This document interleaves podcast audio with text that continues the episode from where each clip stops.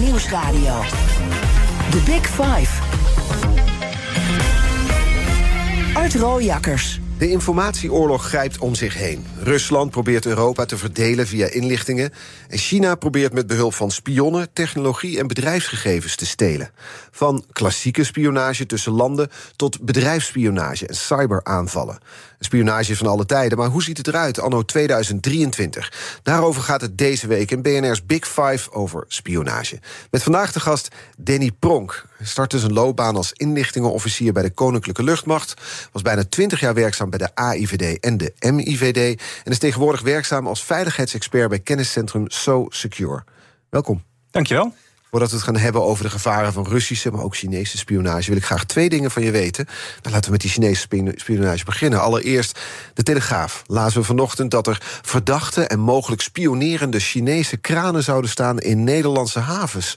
Ja. Is dat inderdaad aannemelijk dat ze dan ja, spionageactiviteiten uitvoeren, de Chinezen, via dat soort werktuigen in Rotterdam? Ja, best wel. Uh, je kan het uh, zo voorstellen dat eigenlijk al die apparatuur, uh, die nemen dingen waar.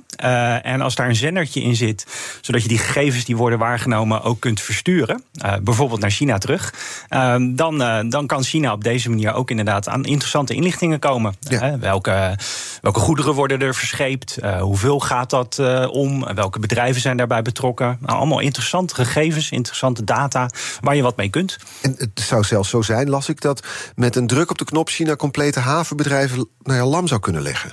In theorie zou dat best kunnen, dat is denkbaar. Uh, als, ze, als ze inderdaad de ingangen hebben in, in geautomatiseerde netwerken, uh, dat ze daar inderdaad uh, in kunnen, hè, bij kunnen, dan kan je dat ook gaan manipuleren. Dan kan je dat gaan saboteren. Dan kan je inderdaad het licht uitdoen. Uh, ja, dan werkt het niet meer. En is het nou toeval dat dat net nu naar buiten komt? We hebben net het hele verhaal over ASML gehad. Ja. De chips die vanuit Nederland straks niet meer naar China toe mogen... na druk van Amerika. We komen er straks over te spreken, hoor. Nu dit verhaal.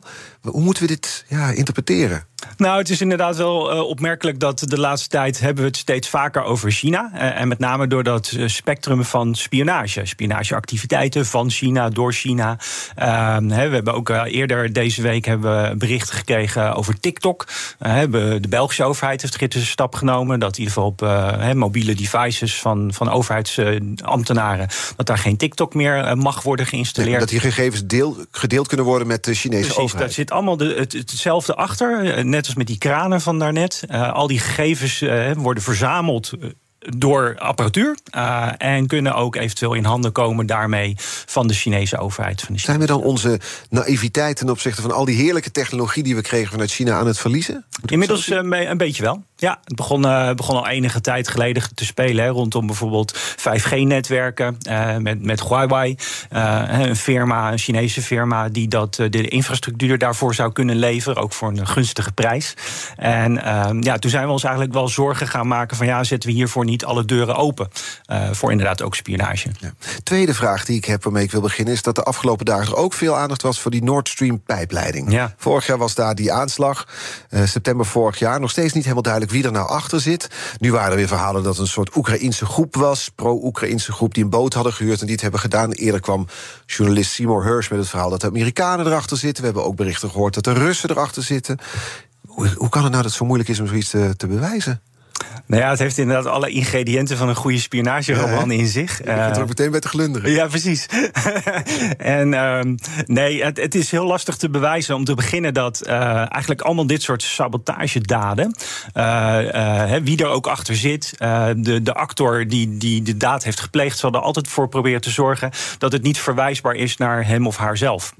dus het is niet. Maar dat was het raar in het laatste bericht. Ze hadden dan wel resten van explosieven Ja. op die boot laten liggen. Denk ik, oké, dan heb je een hele heimelijke operatie als een Ja. pro-Oekraïnse groep. Maar dan laat je wel heel duidelijk iets li- liggen op zo'n boot. Ja, dus ja, hè, er wordt druk onderzoek naar gedaan. Er zijn, er zijn zelfs, eh, zelfs hele landen, hè, Denemarken, Duitsland en dergelijke, zijn er, zijn er druk mee bezig om hier onderzoek naar te verrichten. Maar het ja, het blijft heel lastig. Net, net als eigenlijk elk opsporingsonderzoek, hè, wat ook de politie doet, naar inbrekers bijvoorbeeld. eh, om al die lijntjes aan elkaar te knopen, al die stukjes bewijs te verzamelen. Heb jij met al jouw ervaring een theorie? Ik heb meerdere theorieën. Uh, en uh, ja, zoals, zoals gebruikelijk is, uh, is, is ook in de praktijk waar ik vandaan kom, werken we eigenlijk altijd met meerdere hypotheses. Meerdere scenario's. meerdere scenario's, inderdaad. En dan probeer je met, met bewijs, hè, met, met, met gegevens, met data en met aannames, probeer je dat zo kritisch mogelijk te toetsen. En dan op de meest waarschijnlijke hypothese uit te komen. Wat is de meest waarschijnlijke wat jou betreft? Wat mij betreft nog steeds de Russen. Ja? Ja. Maar ik sluit niet uit dat het ook een andere actor zou kunnen zijn geweest.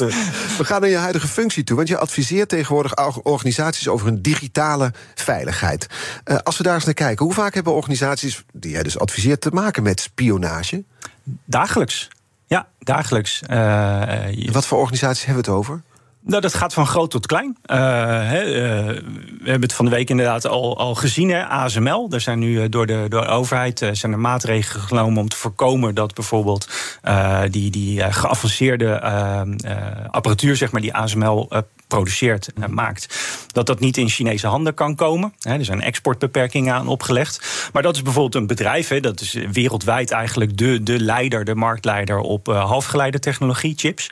Um, en dat soort bedrijven zijn, zijn primair doelwit. Ja. Uh, maar het gaat, gaat ook veel kleiner dan dat. Hè. Start-ups die heel erg innovatief bezig zijn op het gebied van moderne uh, technologie, uh, materiaaltoepassingen, ICT-toepassingen en dergelijke.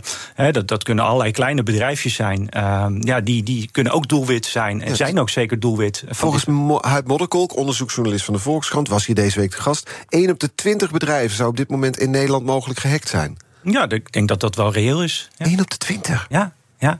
ja, en het probleem zit er dus bij dat uh, die grote bedrijven, zoals bijvoorbeeld zo'n ASML, die hebben ook de, de, de armslag en ook het bewustzijn uh, om zich veilig te organiseren. Dus die investeren heel veel in, in, in mankracht, in, in um, technische maatregelen, uh, om zo'n bedrijf en het bedrijfsgeheimen, zeg maar, mm -hmm. geheim te laten zijn.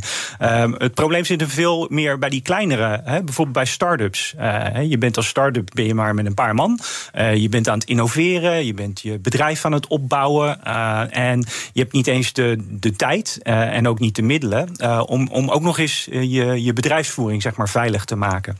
Dus daar zit vooral het, het probleem, denk ik. Ja, met als gevolg dat die start-ups die hebben ook weer contact met grotere bedrijven. Ja, bijvoorbeeld precies. ASML. En dat zijn dan de ingangen. Dat kunnen dan ingangen zijn, inderdaad, ook om uiteindelijk bij dat grote bedrijf ook uit te komen. Dan komt veiligheidsexpert Danny Pronk met al zijn ervaring bij de diensten, zoals het heet daar binnen. Wat is dan de algemene waarschuwing die je eigenlijk altijd kan geven? Nou, dat je uh, om te beginnen begint het bij bewustzijn. Bewustzijn van dat dit soort activiteiten dagelijks eigenlijk plaatsvinden. Uh, en dat het ook eigenlijk over drie assen gaat. Uh, dus het is niet alleen digitaal, dus dat ze proberen in te breken in je, in je computernetwerk. Maar het is ook gewoon fysiek. Uh, fysieke veiligheid, je, je bedrijventerrein, het gebouw waarin je werkzaam bent. Hè, daar moet, moet je ook voor zorgen dat er. Een goed slot op zitten. Ja, moet een goed slot op de deur zitten. Precies. Dus je moet een slot op de deur, op de elektronische deur hebben. Je moet een slot op je fysieke deur hebben. En de derde component? Maar, en de derde component is misschien wel de belangrijkste en ook de meest uitdagende om dat goed uh, te organiseren. Dat is de menselijke. Uh, de, de mensen die voor jouw organisatie werken, of die bij jou over de vloer komen. zet dat daar maar eens een slot op. Zet daar maar eens een slot op. The Big Five. Art Rojakkers. Met vandaag de gast veiligheidsexpert Danny Pronk. En we gaan het nog hebben horen over die, die drie aspecten. We komen er nog uitgebreid op terug. Maar ik wil eerst nog kijken naar de grootste dreigingen. Dan hebben we deze week een kaart proberen te brengen. En de twee landen die je dan eigenlijk altijd hoort noemen zijn Rusland en China. Of lijkt dat maar zo door de recente aandacht in de media? Um, ja, het is hoe je het bekijkt. Um, in ieder geval vanuit ons perspectief, van, vanuit het Koninkrijk der Nederlanden, denk ik inderdaad dat China en Rusland, dat zijn wel de twee belangrijkste bedreigingen op dit gebied. Uh, maar ja, als je ergens anders woont op de wereld, kan dat weer heel anders zijn. Ja, kan het ook zomaar Amerika zijn. Precies. Ja. ja. Um, dat brengt ons bij de kettingvraag. Want gisteren was hier Eleni Braat te gast, inlichting-expert, universiteit, universitair docent van internationale betrekkingen aan de Universiteit Utrecht. Werkte ooit als historicus bij de AIVD. Ken je er? Ja, ik ken haar heel goed. Ja, ik, heb, uh, nog, uh, ik ben nog betrokken geweest bij haar werving destijds. Ze heeft haar baan, ze heeft haar baan aan jou te danken. Uh, ja, misschien wel. Nou, ze heeft deze vraag voor je. Ja, ik zou van Danny graag willen weten uh, voor welke diensten, de Russische of de Chinese, want daar gaat hij het vooral over hebben, voor welke diensten zouden mensen in Nederland of Nederlandse bedrijven nou extra beducht moeten zijn? En waarom denkt hij dat? Ik denk voor de Chinezen. Ja? Ja. in tegenstelling tot wat Ronald Prins afgelopen woensdag zei, ben ik toch wat, wat beduchter voor de Chinezen. Ben het eens met Erik Akerboom, baas bij de AFD? Ja. Precies. En dat zit hem vooral om, uh, op het aspect dat de, de, de Chinese uh, geheime diensten. Uh, hun, hun activiteiten zijn grootschaliger zijn alomvattender en, en zijn eigenlijk ook holistisch. Uh, wat China eigenlijk heeft gedaan, uh, is ze hebben de hele maatschappij uh, gemobiliseerd. Uh, om ook te kunnen spioneren. De hele maatschappij gemobiliseerd? Ja, dat, dat gaat van iedere Chinese staatsburger tot alle Chinese bedrijven, uh, alle Chinese overheidsorganisaties. Dat zijn er nogal wat. Dat zijn er nogal wat. Ja. Er zijn heel veel Chinezen inderdaad. Ja. Uh, dus ja, dat is een. Dat is een en hoe zijn die gemobiliseerd? Hoe? Nou, om te beginnen heel praktisch. China heeft ook een wet op de inlichting en veiligheidsdiensten. Net als Inlichtingenwet, net als wij. Ja. alleen daar staan hele andere dingen in. Zal ook geen zal ook geen, geen, referendum over geweest zijn? Uh, daar is ook geen referendum over geweest. Nee, uh, die wet dateert uit 2017. En die verplicht iedere Chinese staatsburger en dus ook iedere Chinese onderneming, of je nou een private onderneming bent of uh, behoort tot de staat. Of iedere Chinese student in Nederland? Of iedere Chinese student in Nederland, inderdaad. Uh, om gegevens, informatie over te dragen aan de Chinese overheid. Maar hoe moeten we dat interpreteren? Nou, dat is dus een verplichting die opgelegd is. Uh, dus je kunt als, uh, stel je bent een Chinees bedrijf en je ontwikkelt uh, cameraapparatuur, waarmee we ook hier in Nederland het land beveiligingscamera's, beveiligingscamera's ja. hebben volgehangen. dan ben je verplicht als, als bedrijf om alle data die die camera's ja, verwerven eigenlijk, om die over te dragen, actief over te dragen aan de Chinese overheid. En is dat dan zo dat er op een gegeven moment, stel je bent dus zo'n bedrijf, dat er iemand van de overheid bij je komt aankloppen en zegt: Zeg, wat zie je allemaal op die camera's? Of hoe, ja, ik weet ja, niet bijvoorbeeld. hoe ik dit ja. moet zien. Ja, dan, uh, nou ja, dat, dat zal onder andere op die manier gebeuren. Uh, uh, als het al niet van tevoren zo afgesproken is dat dat moet gebeuren. Um, met ja. wat is het doel erachter? Want dan is dus een heel volk gemobiliseerd, zoals je het zegt, met ja. die wet verplicht om informatie af te dragen naar eigen overheid. Ja. Wat is het doel erachter? Um, ja, vele verschillende doelen eigenlijk. Kijk, China uh, heeft zichzelf als doel gesteld uh, om zich te gaan ontwikkelen. Uh, en, en, de einddatum daarvoor ligt ongeveer in 2049, wanneer de Volksrepubliek 100 jaar bestaat. om zich dan te hebben ontwikkeld tot de wereldmacht. In die zin willen ze dus eigenlijk de huidige wereldmacht, de Verenigde Staten, van de troon stoten.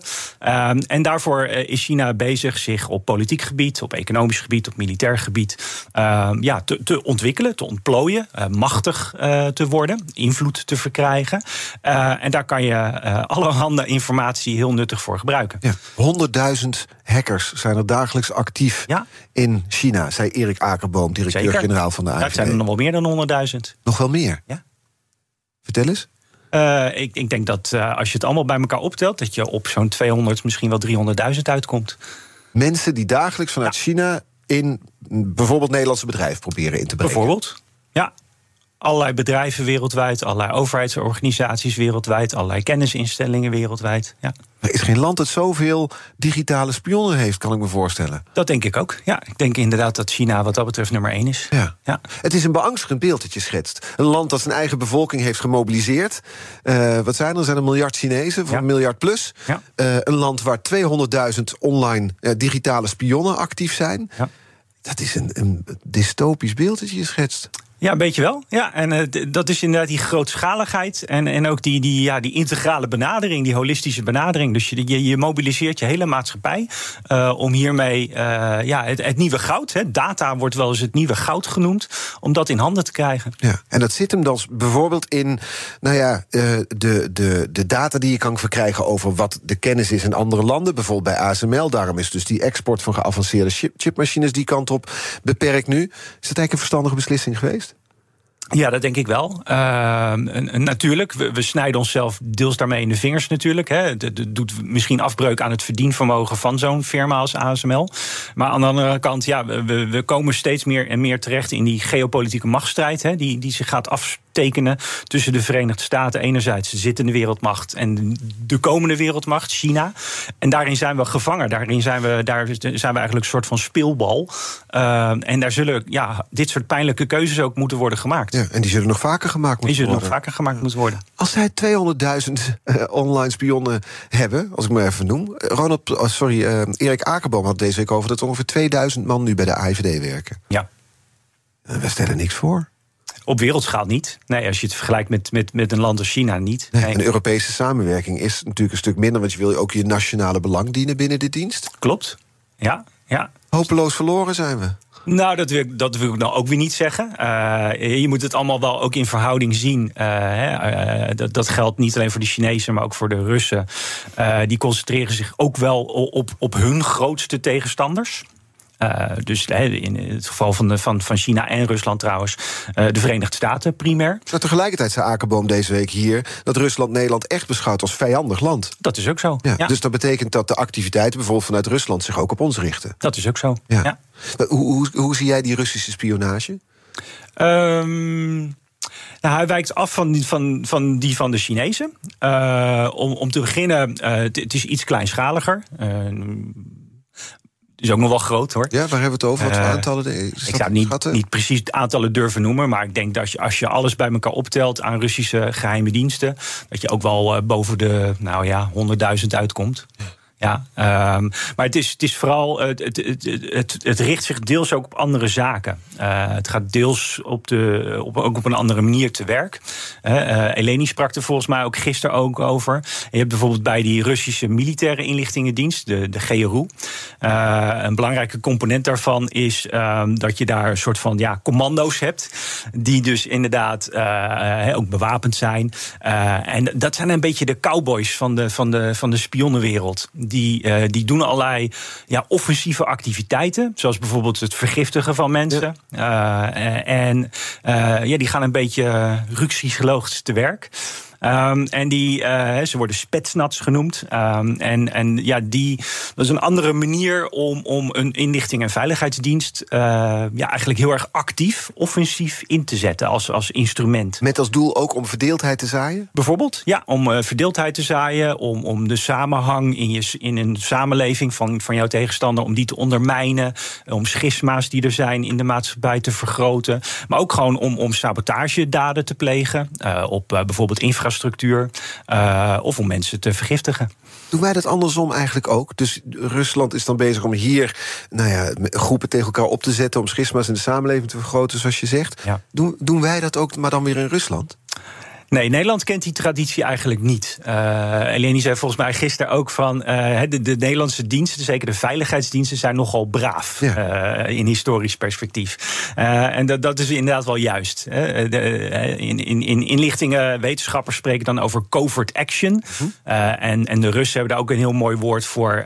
dat, dat vertaald eigenlijk is actieve maatregelen. Dus dat je zo'n zo'n inlichting- en veiligheidsdienst... eigenlijk als, als instrument, als offensief instrument inzet... Nou, dat, dat, dat is een traditie die wij niet in Nederland kennen. Nee, er wordt wel eens gefantaseerd naar aanleiding van die oorlog in Oekraïne. Er zal toch ergens wel een geheime operatie op touw worden gezet om Poetin uit te schakelen? ja, misschien is dat ook wel zo. Is, dat dan, is er dan een land waarvan je denkt, ja, zij zouden het kunnen? Uh, er zijn zeker landen, uh, ook die wij tot onze bondgenoten rekenen, die dat misschien zouden kunnen. Ik denk dan meteen aan Israël. Bijvoorbeeld. Of Amerika. Of Amerika. Ja. ja. En, dan, en dan moet er een team vastgezet worden... die dan in Moskou daar in de buurt kan komen. Ja. En nu komen we in de James Bond-wereld terecht. Nu komen we inderdaad in de James Bond-wereld En dat is meteen ook heel interessant om over ja. te speculeren. Is het dat? Is het fantasie? Of is dit iets wat ook in werkelijkheid kan gebeuren? Uh, het kan, het is, dit is niet volledig fantasie. Uh, hè, bijvoorbeeld uh, ja, die Israëlische geheime diensten, met name de buitenlandse diensten, Mossad, staat erom bekend dat ze al decennia lang ja, actief maatregelen nemen eigenlijk tegen hun tegenstanders. He, zo zijn er ook de afgelopen decennium, zeg maar, zijn er uh, Iraanse atoomwetenschappers en, en andere wetenschappers die werkzaam zijn in, uh, ja, in het Iraanse atoomprogramma of in de raketindustrie. Uh, die zijn om het leven gebracht met aanslagen. Mhm. Mm -hmm. en ik denk dat ja, je kan natuurlijk nooit echt letterlijk met de vinger wijzen. We zullen het nooit definitief weten. Maar het vermoeden bestaat wel dat daar die Israëlische dienst achter zit. Ja. Volgende maandag trouwens, dus hoogleraar strategie en innovatie Henk Volber te gast bij mijn collega Diana Matroos. Is er weer een nieuwe BNR's Big Five, Five week rondom het vestigingsklimaat. Als je abonneert op onze podcast via je favoriete podcastkanaal, dan hoef je geen aflevering te missen. En zo meteen, dan praat ik verder met veiligheidsexpert Danny Pronk over bijvoorbeeld zijn tijd bij de AIVD. Blijf luisteren. Het Eneco Klimaatreport van deze week komt uit Amsterdam. Ik ben Pascal en ik sta hier met de oprichter van Wikkelhuis op de werkplaats. Oep, wat zie ik hier? Ja, je ziet allemaal huisjes. En welke rol speelt energie-efficiëntie in jullie ontwerp- en bouwproces? We bouwen alleen maar met hernieuwbare materialen. Maar het leukste is dat we eigenlijk uh, zonne-energie gebruiken voor onze elektriciteit. We hebben duizend zonnepanelen op ons dak van de werkplaats. Duizend zonnepanelen, dat zijn er een hoop. Ik kan me voorstellen dat er veel stroom vanaf komt. Ja, er komt een enorme bak met stroom uit. En soms in de zomer is dat ook te veel. En daarom werken we samen met uh, Eneco, met het uh, opwek optimaal systeem. En wat doet dat systeem? Een soort dimmer. Dat als er te veel stroom is, dat je dat zeg maar wat terug reguleert, zodat er geen netcongestie ontstaat. Want dan zou alles vastlopen. Uh, juiste balans op het energienetwerk. Ja, precies. En zo werkt Wikkelhuis samen met Eneco aan klimaatambities. Is het ook iets voor jouw bedrijf? Check dan eneco.nl slash klimaatambities.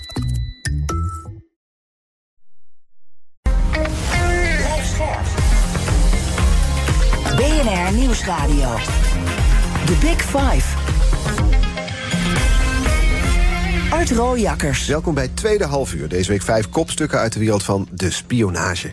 Eerder deze week sprak ik onder andere met onderzoeksjournalist Huib Modderkolk van de Volkskrant over het belang van privacy in de wereld van inlichtingendiensten. Is terug te luisteren via je favoriete podcastkanalen. Vandaag de gast Danny Pronk, veiligheidsexpert bij kenniscentrum So Secure.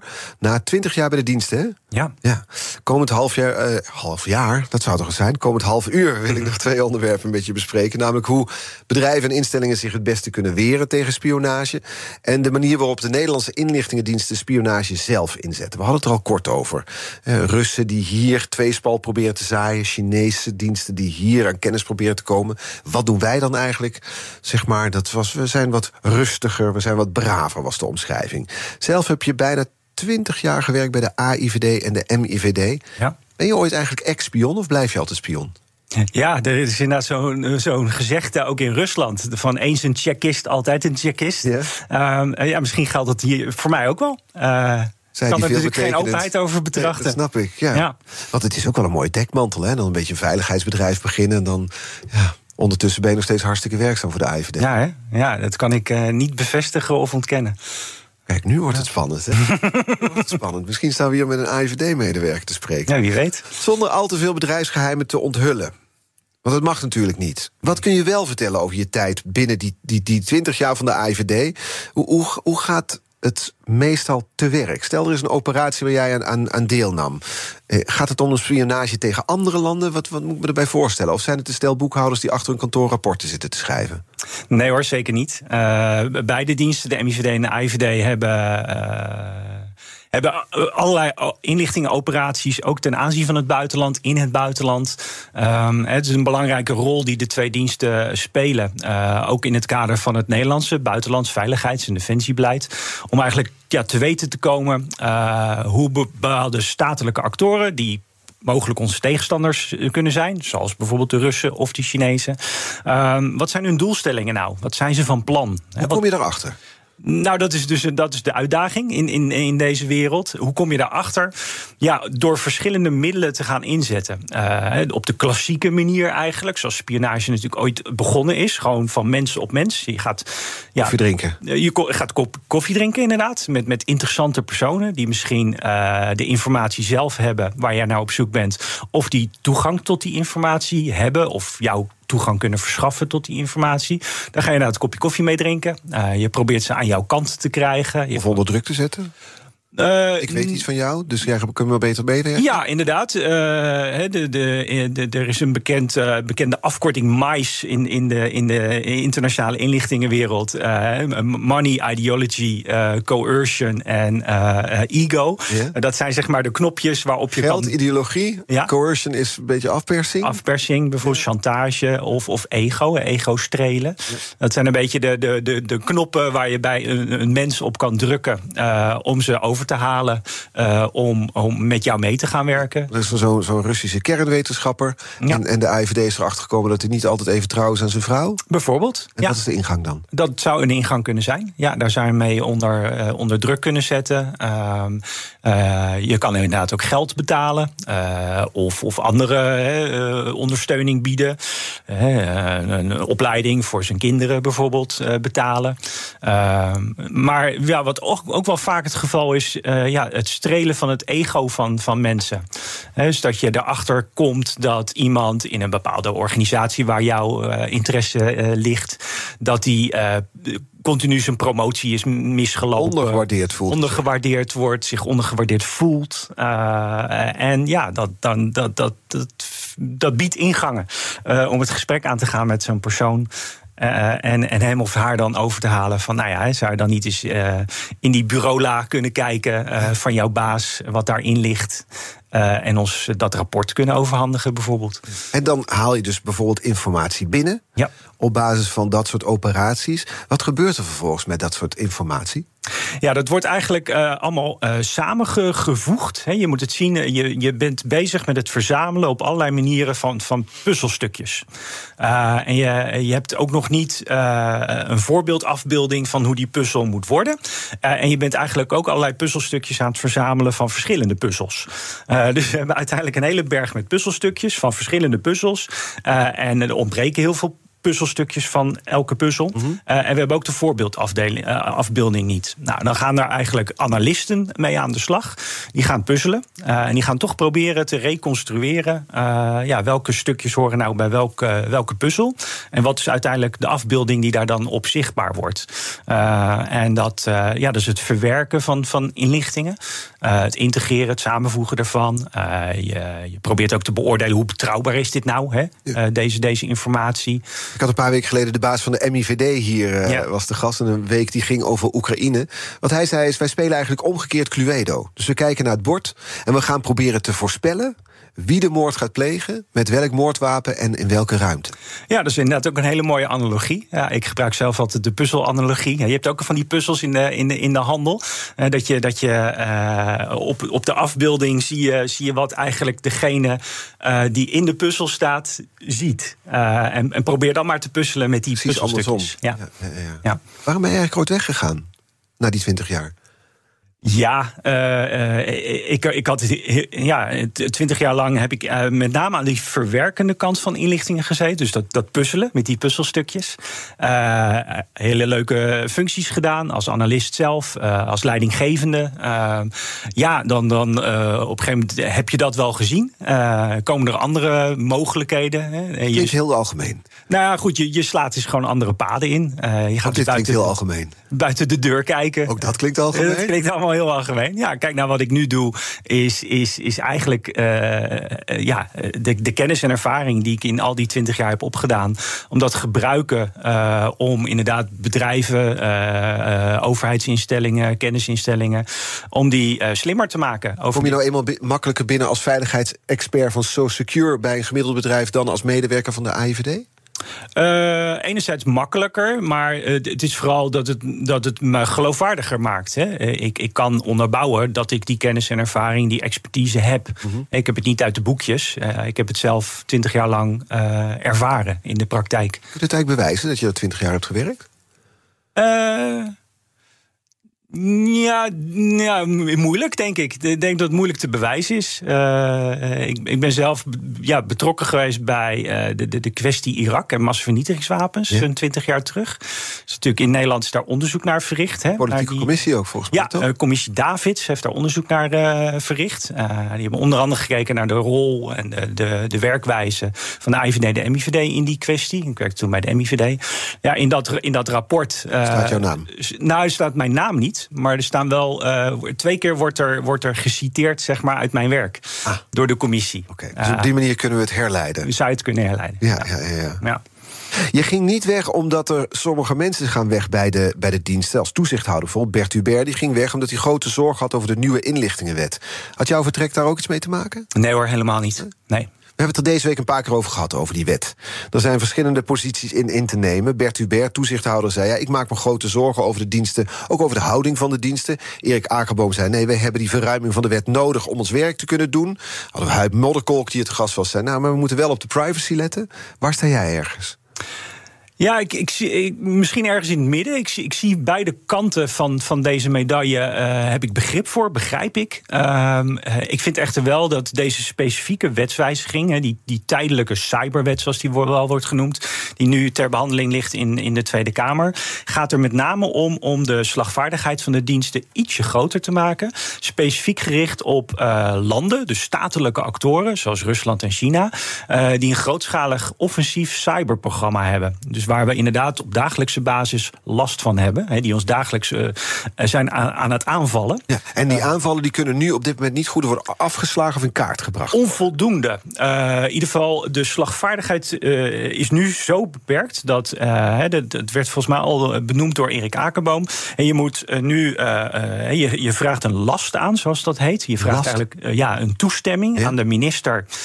en mogen wij op een bepaalde server mogen we daar op hacken. Ja, en zodra ze naar een andere server gaan, die hackers, dan moet je weer opnieuw toestemming Moet je weer opnieuw toestemming vragen. Ja. Nou, was zelfs Huid Modderkolk zei er ook van, nou, dat is logisch dat dat uh, aangepast moet worden. Het is ja. zo'n romslomp. Een ander punt was dat snapshot, wat gemaakt kan Klopt. worden van internetverkeer, eigenlijk ja. landelijk zeg maar. En daarbinnen kan de IVD dan op zoek gaan naar interessante informatiestromen. Ja, we hebben, we hebben in 2018 bij de behandeling van de, van de huidige wet... Uh, is dat principe van zo gericht mogelijk is daar uh, eigenlijk opgebracht. En, en dat is een heel goed ding. Hè? Eigenlijk inlichtingenonderzoek moet inderdaad en kan eigenlijk alleen maar doelmatig plaatsvinden... en doeltreffend plaatsvinden als dat zo gericht mogelijk is. Hè? Je, je, je wilt weten waar moet je zijn. Hè? Bij, bij wie of welke persoon of welke locatie moet je insteken... om die informatie te verkrijgen. Alleen, uh, we hebben te maken met bijvoorbeeld kabels, hè, glasvezelkabels. Daar gaan terabytes aan informatie ja. uh, per seconde overheen. En het is heel lastig om van tevoren te pinpointen waar moet je nou precies zijn? En daar is die snapshot shot voor bedoeld. Je wilt eigenlijk een soort verkenning uitvoeren uh, om te onder, on, ontdekken eigenlijk waar moeten we nou precies zijn. Ja, wat, wat natuurlijk lastig is voor het publieke vertrouwen in de dienst, is ja. dat je een toezichthouder hebt, een belangrijke toezichthouder die zegt ik stap op, want ik maak me zorgen om dat er een sleepwet referendum is geweest waar de meerderheid zei nee, dat willen we niet. En dat die er nu toch sluipenderwijs lijkt te komen. Dat doet allemaal een beetje afbreuk aan het vertrouwen dat er is. Ja, het is een lastige discussie die we, die we hier over aan het voeren zijn, al jarenlang nu. Uh, uh, je moet je wel blijven beseffen dat, zeker met die tijdelijke wet die nu ter behandeling ligt, dat gaat om onze vijanden. Dat gaat inderdaad om uh, de Russen, om de Chinezen. Uh, en die uh, bedreigen ons. Bedreigen onze nationale veiligheid en andere aspecten daarvan. Ehm, en daar is deze wetswijziging voor bedoeld. om daar de teugeltjes ietsje losser te maken en het iets beter mogelijk te maken. Dat je inderdaad zo doelgericht mogelijk ja, de plekken kunt vinden waar zij uh, ons bedreigen. En dat je ze ook kunt blijven volgen. Dus als we inderdaad van server naar server hoppen, ja. dat je dat kunt, kunt ja, blijven volgen. Maar om die bedreiging tegen te gaan, krijg je te maken met een andere bedreiging. Namelijk een, een samenleving waar privacy eigenlijk onder druk staat. Misschien niet meer mogelijk is. Nou, iedereen bespied wordt. Het, ik denk toch dat het niet zozeer is dat. Uh, tuurlijk, alles is mogelijk, hè, alles kan. Uh, Volgens mij toch geschiedenis weten we, alles wat kan gebeurt uiteindelijk ook. Nou, dat is dus niet zo, zeker niet in Nederland. Uh, we hebben in Nederland een, een, wet op de inlichting veiligheidsdiensten. we hebben daarin een aantal zogeheten bijzondere bevoegdheden opgenomen. Uh, die die diensten inderdaad bijzonder laat zijn. Mm -hmm. de diensten mogen dingen die de gemiddelde burger niet mag. Uh, alleen die, uh, om te beginnen, die, die bijzondere bevoegdheden mogen ze alleen maar inzetten voor een beperkt aantal taken. Uh, bijvoorbeeld he, gericht op, op statelijke actoren uh, die, ons, die ons kunnen bedreigen, onze nationale veiligheid kunnen bedreigen. Dus niet voor alle taken van de dienst mogen die bijzondere bevoegdheden worden ingezet. En je moet er dus toestemming voor vragen ja. en krijgen. En, uh, en dat moet dus heel erg goed beargumenteerd zijn waarom je dat specifieke bijzondere middel wilt inzetten. He. Is het noodzakelijk? is het ook, he, staat het in verhouding tot de ernst van de bedreiging? en pas als je dat allemaal goed beargumenteert hebt, kan je daar toestemming voor krijgen van de minister. Mm -hmm. En dan is er dus ook nog een toezichtsorgaan uh, die dat ook daar ook iets mag van, van vinden. Ehm, dus het is, het, is, het is wel met allerlei waarborgen omkleed. Het is dus niet zo dat alles wat kan ook mag. BNR ben je altijd als eerste op de hoogte van het laatste nieuws. Luister dagelijks live via internet. Jelle Maasbach. Wesley Weert. We zijn er voor je met het leukste, opvallendste, maar natuurlijk ook het belangrijkste nieuws. Tijdens de presentatie van die halfjaarcijfers toen die beurskoers in elkaar kukkelde. BNR Beurs. Voor de slimme belegger. Blijf scherp en mis niets. BNR Nieuwsradio. The Big Five. Art Rojakkers. Je luistert naar BNR's Big Five over spionage. Eerder, eerder deze week sprak ik met historicus en inlichting-expert Eleni Braat over het ja, treurige leven toch wel van spion M, dubbelspion. Terug te luisteren via bnr.nl en de bekende podcastkanalen. Vandaag de gast Danny Pronk, veiligheidsexpert bij kenniscentrum So Secure. Ehm, ja, we hebben het gehad over politieke spionage. We hebben het gehad over economische spionage. In hoeverre zijn wij, gewone mensen, misschien ook een doelwit van spionage? Um, dat kunnen we zijn, ja. Um, en zoals ik al eerder zei, elke inlichting- en veiligheidsdienst, met name de inlichtingencomponent van die diensten, uh, zijn altijd op zoek naar toegang. Uh, iemand heeft wel eens gezegd: it's all about access. Je probeert toegang te krijgen tot uh, informatie, tot objecten, tot materieel. Uh, uh, die, waar je je voordeel mee wilt doen, hè, waar je jezelf slimmer mee wilt maken. En die toegang kan je verkrijgen via iedere, ieder mens, hè, iedere individu. Ehm, je, ook jij, jij komt op bepaalde locaties ehm, die misschien interessant zijn. Of jij komt in contact met mensen die interessant kunnen zijn. Mm -hmm. nou, deze week heb jij gesproken met Erik. Erik Akerboom bijvoorbeeld, die was hier in de studio een uur lang. Uh, dat... Moet ik bedenken wie mij van tevoren een kop koffie aanbood? Bijvoorbeeld, of achteraf. Uh, maar zeker van tevoren. Hè, als als, als, als, uh, als een, een offensieve inlichtingendienst uh, weet heeft van jouw afspraak met Erik Akerboom, zou het zomaar kunnen zijn dat, dat ze dan met jou een kopje koffie proberen te drinken van tevoren. En hoe weet je dan dat je benaderd wordt? Hoe merk je dat? Ja, dat, dat, dat is heel lastig om dat te, te bemerken. Nee, iedereen, uh, iedereen komt op de, op de sportclub, uh, in de fitnessschool, uh, drinkt een biertje in het café. ja, het is heel lastig te onderkennen dat je benaderd wordt door. Heb je dat in die twintig jaar wel eens ervaren? Dat je denkt, ik, dat was het moment dat ik benaderd ben? die twintig jaar bij de diensten? Nou, bij de diensten uh, eigenlijk niet. Uh, ik, ik, ik heb het wel meegemaakt dat ik, ik was een keer uh, in China om daar eens een kijkje te nemen. Yeah. en um, toen hadden wij zelf een hotel geboekt. En we kwamen daar, we hadden een faxen ter bevestiging van onze reservering. Een poosje geleden is het? Ja, het is een poosje geleden al. het is 2004. Um, en toen werd er glashard beweerd door het hotelpersoneel van nee, deze reservering hebben wij niet met u. Maar maar we hebben voor u centraal in de stad hebben we een hotel gereserveerd. Uh, want we wisten dat u kwam. Uh, alleen is een stukje rijden. U wordt uh, van en naar de locatie getransporteerd met de bus. En toen kwamen we daar in dat hotel. en je wil niet weten hoeveel Chinese kamermeisjes en liftbediendes en weet ik veel allemaal niet personeel ja, ja. daar op de gangen liep. en ongetwijfeld waren onze kamers waar we in, in, in sliepen. Gebukt. gebukt en met camera's voorzien enzovoort. Dus dat heb ik dan in die zin wel ervaren. Ik heb het wel later, toen ik bij de dienst weg was. Uh, uh, uh, zat ik een keer bij een, bij een conferentie of een lezing. Uh, en ze ging er naast mij, uh, en er, waren heel veel lege plekken, zeg maar, in de, in de, in de zaal nog. Uh, en specifiek naast mij ging een, een, een medewerker, stur, van de Israëlische ambassade in Den Haag zitten. en die ging heel vriendelijk met mij doen, kennismaken en dergelijke. Ja? En toen dacht ik wel even van, hmm, Dit deze... misschien niet, niet om mij, om mooie blauwe ogen gaat. Nou, alleen. precies, ja. Deze mevrouw gaat hier waarschijnlijk expliciet zitten met een ander doel voor ogen. Ja, ja. Nou, is die kans dat wij dit als gewone burger meemaken misschien niet al te groot. Wat we wel meemaken zijn uh, al die apps die we op onze telefoon hebben zitten. Ja. We hadden het al over TikTok. Hè, en TikTok is een Chinees bedrijf. Die vertelde al, China heeft de burgers en bedrijven gemobiliseerd. Alle informatie moet doorgespeeld worden naar de overheid. Ja. Ik ben me daar niet van bewust als ik naar die van filmpjes zit te kijken.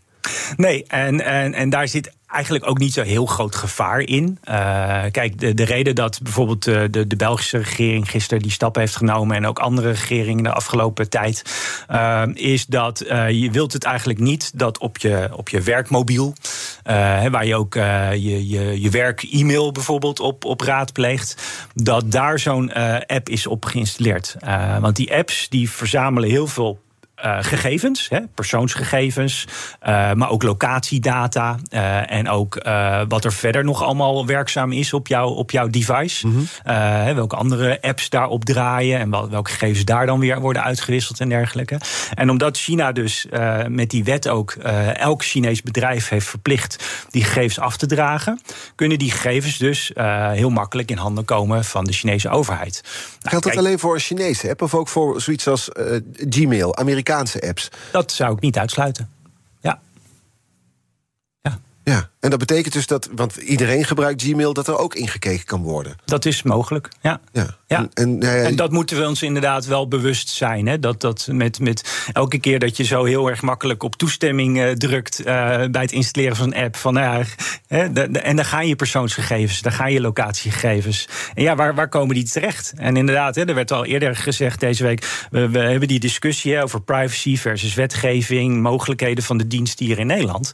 Uh, maar besef je wel dat hoeveel gegevens, hoeveel data iedere burger uh, gewoon weggeeft mm -hmm. aan allerlei bedrijven uh, die dit soort apps uh, leveren. Ja, en dan zijn we nu vooral op China aan het focussen, maar misschien gebeurt het aan de, aan de Amerikaanse kant ook wel. Zeker. Um, eerder week, deze week sprak ik met cybersecurity-expert Ronald Prins, je kent hem natuurlijk, en ja. hij zei: We zeggen al twintig jaar tegen mensen dat ze dubbele wachtwoorden moeten instellen. Ga maar op. Misschien hebben we wel het maximale van de menselijke oplettendheid bereikt. Is dit mm -hmm. gewoon, hè, want het verhaal is altijd: de mens is de zwakste schakel. Eigenlijk ja. ook wat jij nu zegt. Ja, klopt.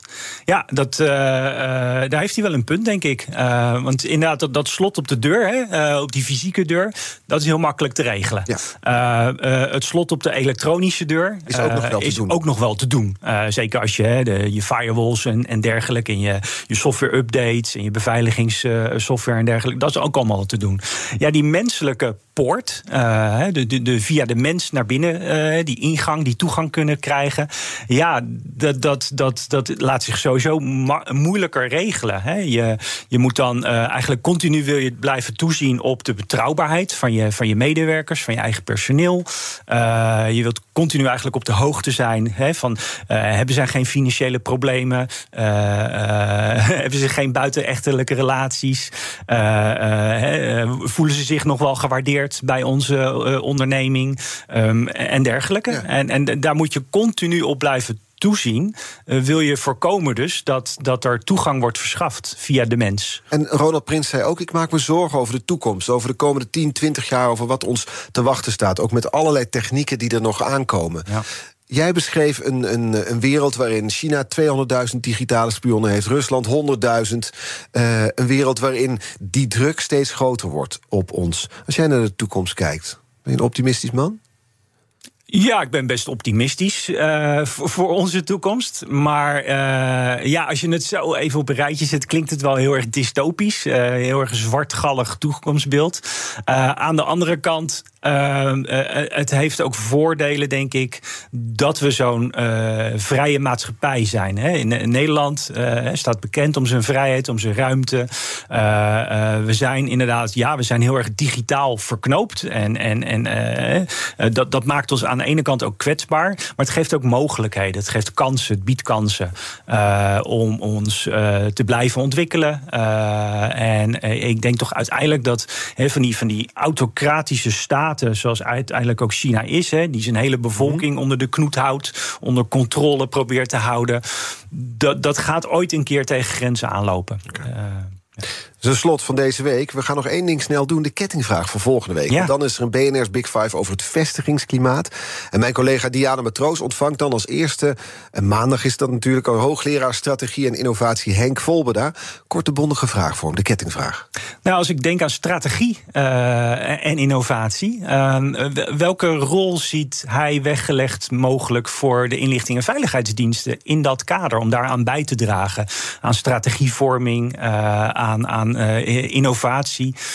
Dat vind ik wel een interessante. vind ik ook. We gaan het hem voorleggen. Diana Matroos gaat het doen. Maandag dus een BNR's Big Five over het vestigingsklimaat. Dank Danny Pronk, veiligheidsexpert van kenniscentrum So Secure. Ehm, alle afleveringen van ons programma zijn terug te luisteren. Je kunt je abonneren op onze podcast via de app of je favoriete podcastkanaal. Hoef je niks te missen. Nu op deze zender Nina van den Dungen met BNR Breekt Politiek. Dag. Bij BNR ben je altijd als eerste op de hoogte van het laatste nieuws. Luister dagelijks live via internet. Jelle Maasbach, Wesley Weert. We zijn er voor je met het leukste, opvallendste, maar natuurlijk ook het belangrijkste nieuws. Tijdens de presentatie van die halfjaarcijfers toen die beurskoers in elkaar kukkelde. BNR Beurs. Voor de slimme belegger. Blijf scherp en mis niets.